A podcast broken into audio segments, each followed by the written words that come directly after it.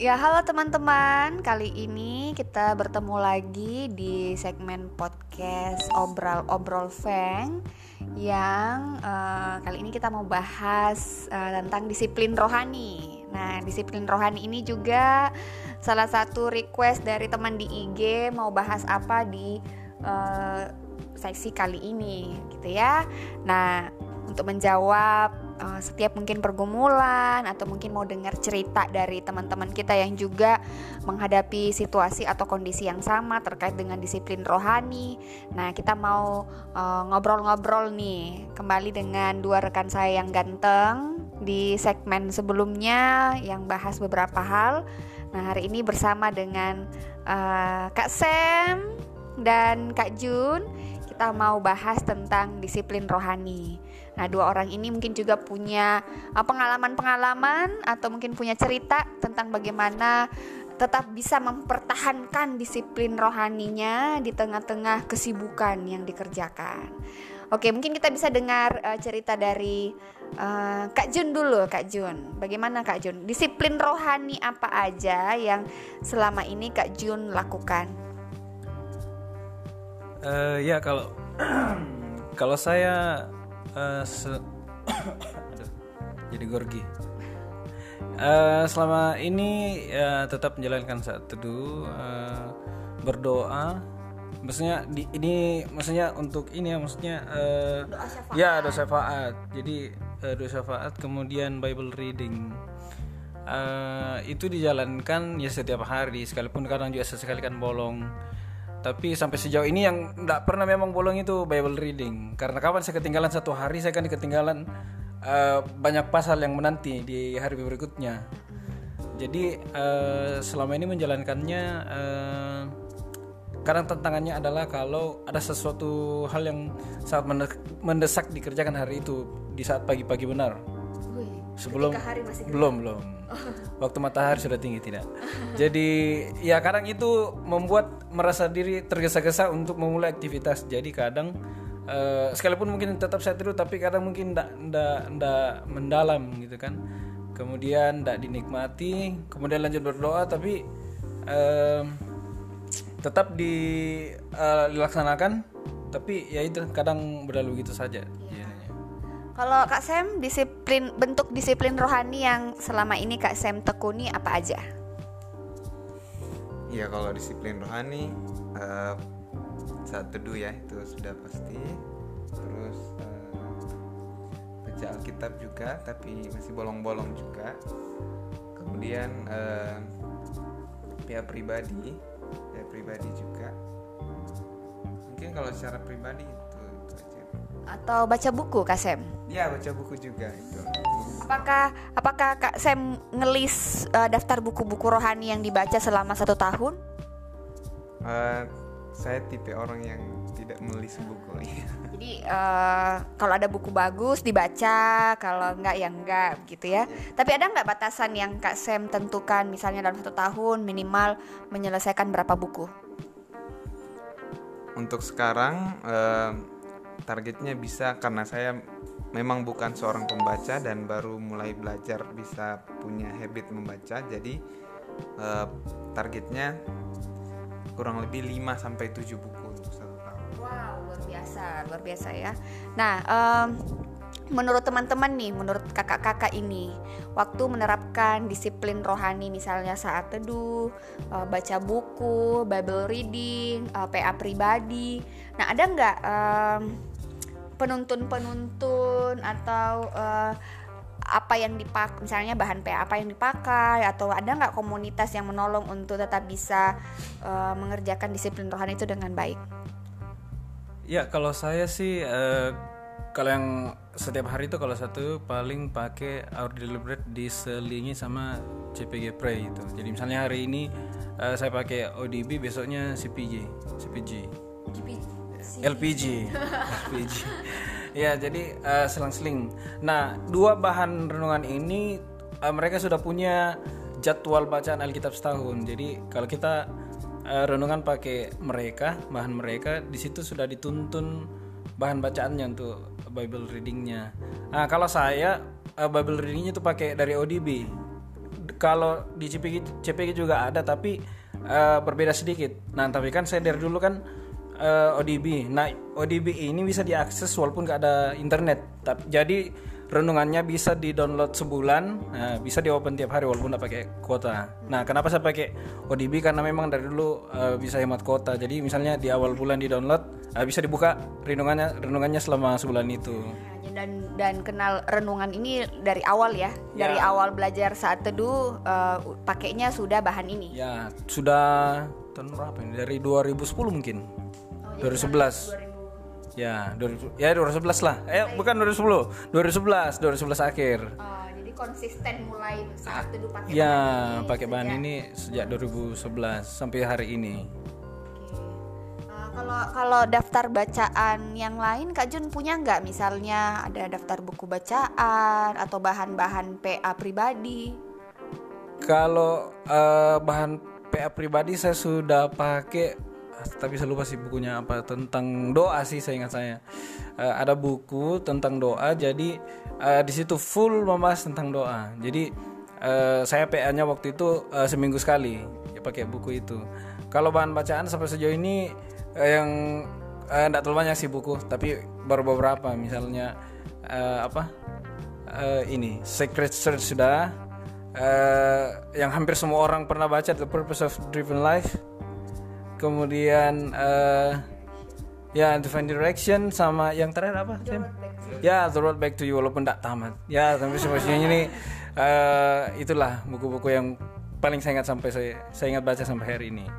Oke, nah eh, baik Kak Sam maupun Kak Jun ada nggak misalnya dengan semua urusan-urusan disiplin rohani ini ada nggak yang kadang-kadang aduh kayaknya ini berat sekali misalnya untuk melatih disiplin dalam hal saat teduh Eh, terus bagaimana waktu berada dalam kondisi-kondisi seperti itu bagaimana Kak Sam dan eh, Kak Jun mengatasi kan pasti boring pasti ada, malas pasti ada, kemudian tantangan-tantangan yang lain juga pasti ada. Nah, bagaimana? Uh, mungkin bisa berbagi cerita bagaimana Kak Sam bisa uh, menangani uh, hal-hal yang semacam itu ketika pergumulan itu datang. Ya kalau uh, untuk mempertahankan konsistensi dalam melakukan disiplin rohani memang mungkin semua orang mengalami itu ada tantangannya. Jadi ada masa-masa di mana kita jenuh, ada masa-masa di mana untuk melakukan itu menjadi sulit. Makanya mungkin setiap orang percaya atau anak-anak Tuhan punya waktu di mana dia bolong gitu. Karena mungkin di situ dia sedang gagal. Nah, eh, kalau saya pertama adalah belajar dari Tuhan Yesus. Bagaimana dia eh, tetap eh, tekun waktu ada ayat yang mengatakan pagi-pagi benar waktu hari masih gelap. Ia bangun dan pergi keluar. Ia pergi ke tempat yang sunyi dan berdoa di sana. Kalau kita melihat cerita sebelum dia melakukan itu, seharian Yesus kan melakukan pekerjaan yang cukup berat, mengobati orang, eh, melayani orang-orang. Nah, itu yang membuat saya eh, apa ya? meneladani. Yesus saja bisa. Jadi kita juga harus melakukan berjuang eh, seperti Yesus, seperti Yesus lakukan. Kemudian karena saya juga seperti Jun ya eh, lebih suka menggunakan aplikasi yang punya fitur-fitur yang bisa mendorong semangat kita untuk berdisiplin rohani. Salah satunya itu tadi yang Aldery Black oh, ODB ODB ya. Itu kan punya eh, tools yang kita bisa mendengarkan suaranya. Jadi ya karena saya bukan tipe pembaca kalau teman-teman eh, malas untuk berdisiplin rohani karena malas baca Alkitab atau malas baca renungan eh, dengan dengar suara saja bisa juga di ODB. Jadi itu juga bisa memacu semangat kita untuk tetap melakukannya karena eh, sisi kemalasan kita bisa diminimalisir atau eh, kalau misalnya untuk baca Alkitab bisa buka di YouTube. Ada banyak sekali rekan eh, apa Alkitab audio. Dan itu sangat bagus karena eh, sudah diedit sedemikian rupa. Ada eh, backsoundnya dan sebagainya yang bisa me- apa memberikan kondisi-kondisi yang sesuai dengan apa yang diceritakan di Alkitab. Jadi menurut saya zaman sekarang itu banyak sekali cara untuk eh, bisa meningkatkan Disiplin rohani. dis- semangat kita untuk berdisiplin rohani. Jadi uh, sebenarnya toolsnya sudah banyak ya. Nah berarti kan persoalan selanjutnya itu tadi uh, bagaimana kita uh, menghadapi uh, kemalasan kita, apalagi kalau udah uh, sibuk, banyak pekerjaan atau mungkin uh, sudah terlalu lelah pagi-pagi harus berangkat ke kantor, harus berangkat uh, ke sekolah, ke kampus. Jadi nggak nggak sempat lagi untuk uh, ambil waktu untuk diam, duduk tenang, baca firman begitu. Nah, uh, pasti kan kita semua pernah mengalami hal itu. Nah, kira kira-kira tadi itu bagaimana cara mengatasinya? Ya tentu tiap-tiap orang pasti punya tantangan yang beda-beda. Terutama lagi uh, untuk rekan-rekan yang sudah berkeluarga dengan hiruk pikuk kehidupan keluarga misalnya anak yang harus diurus pagi-pagi untuk antar ke sekolah kemudian orang tuanya orang tuanya juga harus bekerja pagi-pagi benar waktu hari masih gelap juga mereka bangun tapi untuk masak untuk anak sekolahnya anaknya mau pergi sekolah dan sebagainya untuk uh, kebutuhan istri atau suami. Jadi pasti akan lebih uh, challenge lagi challenging lagi kalau untuk yang sudah berkeluarga mungkin ketimbang yang single mungkin sedikit ya minimal lah minimal minim lah tantangannya kalau saya sendiri sih uh, tantangannya kadang uh, seperti tadi ya sudah dijelaskan kadang kalau misalnya sudah uh, sibuk pasti akan tergenjot untuk mulai aktivitas dan kadang nggak sate gitu. tantangannya sih maksudnya cara menjawabnya adalah kalau saya sih pernah kan diingatkan juga soal uh, ini soal uh, tentang disiplin rohani ini lewat bahan renungan uh, apakah itu kita lakukan karena kita mencintai Tuhan atau karena kita menjalankannya saja ataukah kita betul-betul melaksanakannya sebagai bentuk kita butuh Tuhan atau hanya menjalankan disiplin saja Nah, motifnya itu akan mempengaruhi semangat kita. Jadi kalau misal memang kita butuh ya pasti kita akan berusaha keras untuk melakukannya. Tapi kalau kita rasa bahwa uh, disiplin rohani misalnya saat saat teduh dan berdoa itu uh, hanya sebagai sederetan kegiatan yang harus dilakukan hari itu ya mungkin kita akan tidak uh, punya semangat juang yang keras untuk melakukannya.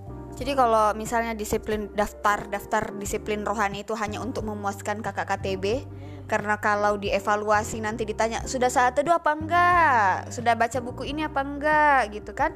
Jadi kalau kita membaca atau kita uh, bersaat teduh hanya karena motivasi itu berarti kan itu bisa jadi kita mungkin bisa malas-malasan gitu ya. Uh, tapi kalau motivasi kita untuk uh, benar-benar mengenal Tuhan lebih dekat atau mungkin juga untuk semakin uh, mengalami uh, kasih Tuhan di dalam relasi waktu kita membaca dan merenungkan firman Tuhan tentunya bukan untuk dapat berkat ya gitu ya. Jadi kita tidak melakukan disiplin rohani ya, supaya kita diberkati supaya kita dilindungi. Toh kita juga nggak nggak melakukan itu Tuhan tetap memberkati kita. Hanya poinnya adalah waktu kita melakukan disiplin rohani itu, entah itu saat teduh, entah itu baca buku, entah itu PA pribadi, sebenarnya kita lagi membangun sesuatu suatu relasi yang semakin intim dengan Tuhan. Jadi um, seperti kalau misalnya kita uh, punya sahabat atau kita punya pacar gitu ya pasti kan sebisa mungkin kita akan berjuang untuk tetap menjalin komunikasi yang intim supaya semakin lebih mengenal begitu kan? Nah jadi e, malas sih pasti ada ya.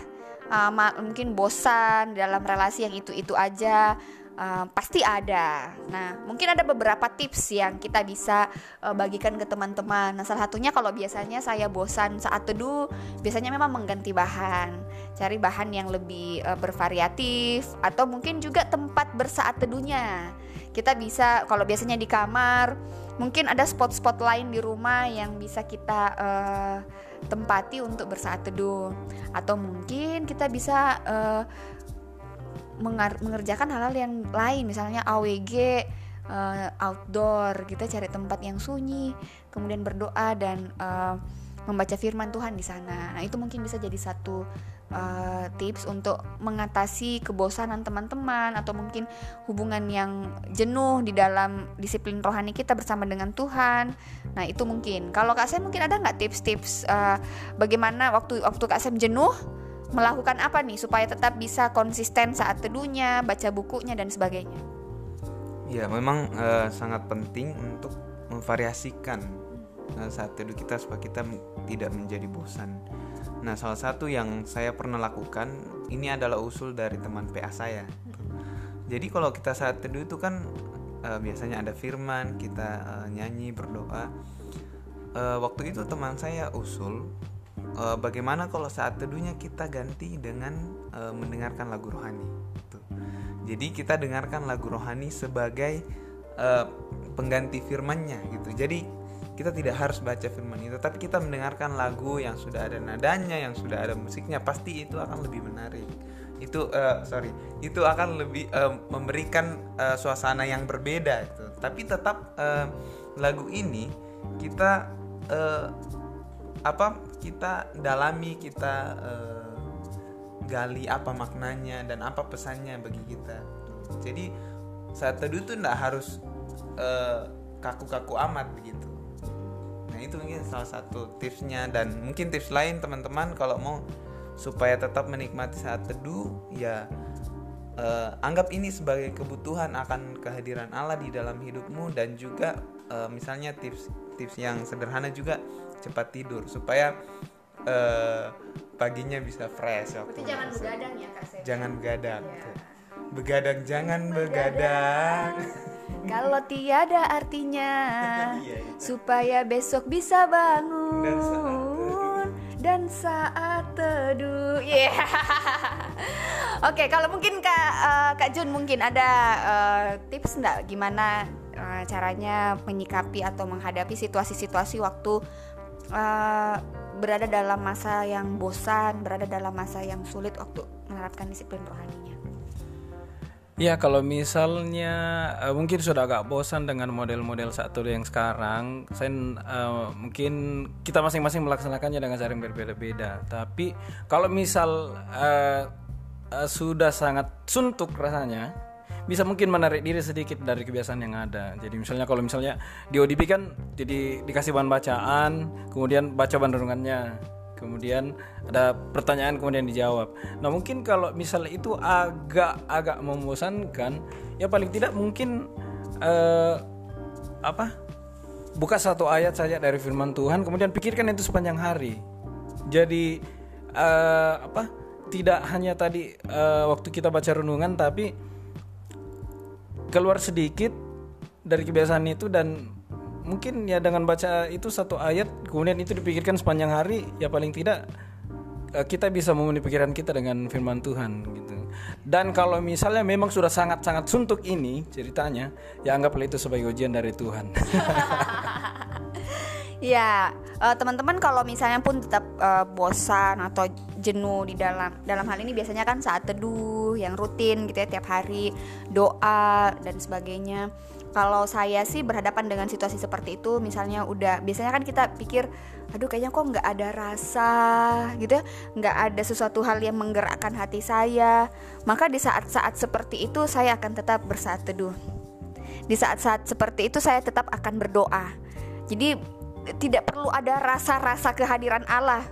Karena sekalipun saya tidak bisa merasakan dalam tanda kutip kehadiran Allah, saya meyakini, saya mengimani bahwa Allah tetap hadir. Ya, jadi eh, tetap melakukan itu. Kenapa? Karena eh, itu adalah salah satu cara bagi saya untuk belajar taat. Jadi bukan bukan mau saat teduh karena ada rasanya, tapi eh, sekalipun tidak ada rasa-rasa gitu ya kan misalkan orang kok nggak nggak feeling? Kayaknya nggak nggak gimana ya hatinya saat teduh. Nah kalau saya berada dalam situasi seperti itu biasanya tetap akan melakukan. Memaksa diri supaya tetap eh, apa ya supaya tetap terkoneksi dengan Tuhan. Karena mungkin saya berada dalam masa-masa jenuh yang tadi itu. Jadi tetap melatih untuk eh, apa tetap bersaat teduh minimal bersaat teduh ya. Kemudian doa dan PA pribadi. Nah itu akan menolong em, apa menolong saya secara pribadi untuk tetap bisa uh, konsisten, tetap bisa membagikan uh, berkat-berkat dari uh, firman Tuhan yang direnungkan sepanjang hari itu. Nah, selain memang secara mandiri dilakukan, bersyukurnya memang karena ada rekan-rekan komunitas yang uh, tetap mendukung waktu kita gagal, misalnya kita kita gagal di dalam melakukan disiplin rohani, uh, teman-teman di persekutuan atau teman-teman di komunitas tidak menghakimi kita. Wah, nggak rohani nih orang nih karena nggak melakukan disiplin rohani. Enggak, ternyata teman-teman teman-teman uh, persekutuan atau teman-teman uh, komunitas kita itu justru saling membangun dan memberikan semangat. Ayo coba lagi gitu ya. Bahkan bisa jadi uh, kita biasanya dikasih bahan-bahan yang baru gitu kan kemudian kita didoakan kita disemangati lagi dan akhirnya itu bisa um, menolong kita. Jadi salah satu cara juga ya janganlah menjauhkan diri dari pertemuan pertemuan-pertemuan ibadah seperti yang dibiasakan oleh beberapa orang. Tapi waktu kita hidup di dalam komunitas sebenarnya dengan adanya rekan-rekan komunitas itu bisa membang membantu membangun kita di dalam um, melakukan disiplin rohani kita termasuk baca buku. Karena dengan dengan banyak rekan-rekan komunitas kan kita bisa dapat usulan-usulan buku yang yang bagus untuk dibaca usulan-usulan uh, topik atau materi yang bagus kita renungkan. Nah itu. Nah karena sudah berjuang nih untuk melatih uh, bagaimana membangun disiplin rohani Nah, mungkin bisa dengar cerita dari teman-teman nih, dari Kak Sem maupun dari Kak Jun. Apa sih manfaat yang uh, Kak Sam dan Kak Jun rasakan ketika melakukan semua daftar list daftar udah daftar list lagi. Uh, disiplin rohani teman-teman. Misalnya dengan baca buku dengan PA pribadi dengan doa dengan saat teduh. Apa sih manfaat yang teman-teman dapatkan dari melakukan semuanya itu? Oke silahkan kak Sam. Iya, uh, yang pertama kan tujuan untuk uh, disiplin rohani itu untuk uh, punya relasi yang baik dengan Allah gitu. Nah, memang itu uh, pasti mendukung pengenalan kepada Allah melalui firman yang kita baca, melalui doa kita, melalui pendalaman Alkitab dan lain sebagainya. Pasti uh, setiap kali kita bersaat teduh, setiap kali kita berdoa dan baca firman, pasti ada hal-hal baru yang Tuhan bukakan bagi kita dan itu adalah pengenalan kepada Allah gitu. Jadi semakin sering kita melakukan uh, disiplin-disiplin rohani maka semakin kita akan mengenal Allah. Semakin semakin uh, besar pengenalan kita akan Allah. Kemudian kayak misal uh, banyak juga berkat-berkat lain yang bisa kita terima. Misalnya waktu kita uh, membaca buku itu bisa melatih diri kita untuk uh, apa ya lebih cepat membaca lebih teliti membaca atau uh, banyak kosa kosa kata yang bisa kita ketahui uh, uh, banyak istilah-istilah baru banyak hal yang bisa kita dapatkan atau uh, ilmu ilmu ilmu yang kita dapatkan dari pengalaman orang-orang yang menulis buku itu dan dan banyak hal pokoknya. Kalau bicara soal manfaat sih pasti uh, manfaatnya banyak. banyak ya nah. dan pasti teman-teman juga sudah tahu lah kalau Kak Jun manfaat yang sangat dirasakan dengan melakukan disiplin rohani itu apa saja? Ya tambahan dari Sam tadi uh, kalau saya sih mungkin salah satunya sih kalau misalnya dari baca Alkitab nih kan. Ya walaupun memang setiap saya selesaikan uh, bacaan dalam setahun misalnya satu Alkitab selesai tapi belum tentu kan diingat detail. Itu ceritanya dari kejadian sampai wahyu ndak mungkin lah. Jadi kan tapi paling tidak waktu baca berulang-ulang kita bisa ingat kata kunci gitu kan? Jadi kalau misalnya kita ingat satu kata kunci misalnya kita mau bahas uh, uh, hari ini kan kalau saya kan dari Samuel ceritanya kan? Jadi kalau misalnya kan saya tidak ingat uh, cerita tentang Samuel misalnya uh, di, terjadi di suatu tempat uh, paling tidak saya ingat kata tempat itu. Waktu saya mau ingat dan baca itu lagi, saya tinggal buka uh, apa aplikasi Alkitabnya, kemudian cari kata kuncinya, bisa langsung ketemu. Itu mau sangat mempermudah ya untuk uh, tahu dia ada di kitab bagian mana. Apalagi kalau misalnya ada rekan atau adik rohani atau sahabat kita yang berdiskusi tentang hal itu, jadi kita bisa berikan bukti autentik, autentik bahwa itu ada di dalam Alkitab. Jadi kalau misalnya uh, orang butuh lihat ya kita bisa langsung tahu. Jadi ndak ndak ndak kesusahan lagi untuk cari ini di mana di mana. Karena kita sudah ingat bahwa kata-kata ini sangat familiar dan kita bisa uh, cari kata kuncinya bisa langsung ketemu. Itu salah satu manfaat yang ya. saya sangat rasakan. Selain yang tadi Kak Sam sudah ya. sebutkan gitu ya, menambah wawasan, menambah pengetahuan tentang Alkitab, tentang firman, semakin mengenal Allah gitu ya. Kemudian bisa menjadi pengingat waktu kita mau belajar, uh, kemudian berdiskusi dengan teman-teman kita bisa punya uh, pemahaman yang cukup gitu. Dan lebih menariknya adalah waktu kita sebenarnya melakukan disiplin rohani kita, entah itu saat teduh, baca uh, baca firman, kemudian baca buku. Uh, saya sangat meyakini orang yang uh, melakukan ini dia akan semakin bijaksana. Kenapa teman-teman? Karena dengan kita melatih diri kita untuk terus membaca firman, firman itu kan berisi dengan hikmat dari Allah. Berarti semakin kita uh, mengenal isi hati Allah, semakin kita uh, bijaksana entah di dalam mengambil keputusan, entah di dalam mengerjakan pelayanan, entah di dalam pemikiran pemikiran-pemikiran kita, semuanya kita akan dikaruniakan hikmat. Ya kalau kita baca atau kita semakin melekatkan diri kita dengan dunia, ya pasti hikmat dan kebijaksanaan kita ya memang dari dunia. Tapi waktu kita melekatkan diri uh, kita kepada Allah, maka hikmat dan kebijaksanaan kita datangnya dari Allah sendiri. Nah, itu yang saya yakini uh, manfaat yang sangat luar biasa ketika uh, belajar untuk melakukan disiplin-disiplin rohani. Dan uh, selain itu juga orang-orang uh, akan bisa melihat hidup kita itu kan bertumbuh atau tidak bertumbuh gitu. Dan itu bisa uh, apalagi kalau misalnya kita yang melayani siswa yang melayani mahasiswa begitu ya mereka kan butuh contoh uh, waktu kita menyuruh mereka untuk disiplin rohani lalu kemudian kita tidak melakukannya ya mereka tidak tidak akan menemukan uh, contoh yang real yang memang benar-benar dilakukan oleh orang-orang tertentu begitu. Nah, itu salah satu. Jadi kita bisa juga membangun hidup orang lain melalui disiplin-disiplin rohani yang kita lakukan. Oke, mungkin masih ada tambahan dari Kak Sam? Ya, dengan uh, memiliki disiplin rohani yang baik, itu juga akan memberikan kekuatan kepada kita. Karena firman itu kan menjadi sumber mungkin kita lagi down atau punya banyak pergumulan tetapi firman yang kita baca itu tiba-tiba menjadi kekuatan bagi kita. Itu juga uh, uh, sering saya alami. Oke, jadi sebenarnya melakukan disiplin rohani itu dampaknya buat kita sendiri kan sebenarnya. Jadi waktu kita tidak melakukannya ya berarti kita rugi karena kita uh, kehilangan uh, manfaat-manfaat yang tadi disebutkan oleh teman-teman gitu ya. Nah, teman-teman yang masih bergumul dengan bagaimana melakukan disiplin rohani, mulailah dengan uh, melakukan hal-hal yang sederhana. Teman-teman bisa cari bahan-bahan renungan yang sederhana sekarang online kan banyak, tulisnya banyak. Kalau yang versi Indonesianya kata teman-teman kan sebut ada ODB, ada apalah, ada apa. Nah, teman-teman bisa uh, klik di www.warungsatekamu.com. Itu juga .org ya itu juga bisa um, menolong teman-teman di versi bahasa Indonesianya. Kalau ODB itu versi uh, bahasa Inggrisnya. Nah, di uh, teman-teman juga bisa uh, pakai tools-tools yang lain yang mungkin teman-teman uh, bisa pakai di aplikasi Alkitab teman-teman yang teman-teman download di Android teman-teman itu kan juga ada versi renungan hariannya.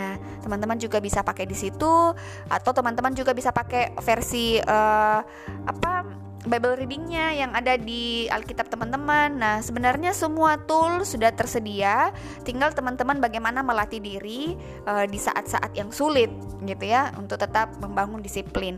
Namanya juga disiplin berarti memang ada sesuatu yang uh, kita perjuangkan untuk kita taati. Sebenarnya dengan disiplin itu manfaat dari melakukan disiplin itu bukan untuk orang lain tapi sebenarnya untuk diri kita sendiri. Karena dengan dengan melakukan disiplin rohani kita melatih ketaatan kita. Nah, itu mungkin yang kita bisa uh, obrolkan hari ini, mengobrol cerita tentang disiplin rohani buat teman-teman. Jadi tetap semangat membangun kehidupan rohani di dalam Tuhan karena itu akan menolong teman-teman untuk uh, semakin bijaksana, semakin berhikmat di dalam pengenalan akan Tuhan dan semakin juga berhikmat di dalam menjalani kehidupan teman-teman sehari-hari. Oke, sampai ketemu di obrol-obrol Feng. Uh, jadi Sampai ketemu di segmen berikutnya. Saya tunggu request teman-teman di Instagram mau bahas apa lagi ya. Oke, see you. Bye-bye. Bye-bye.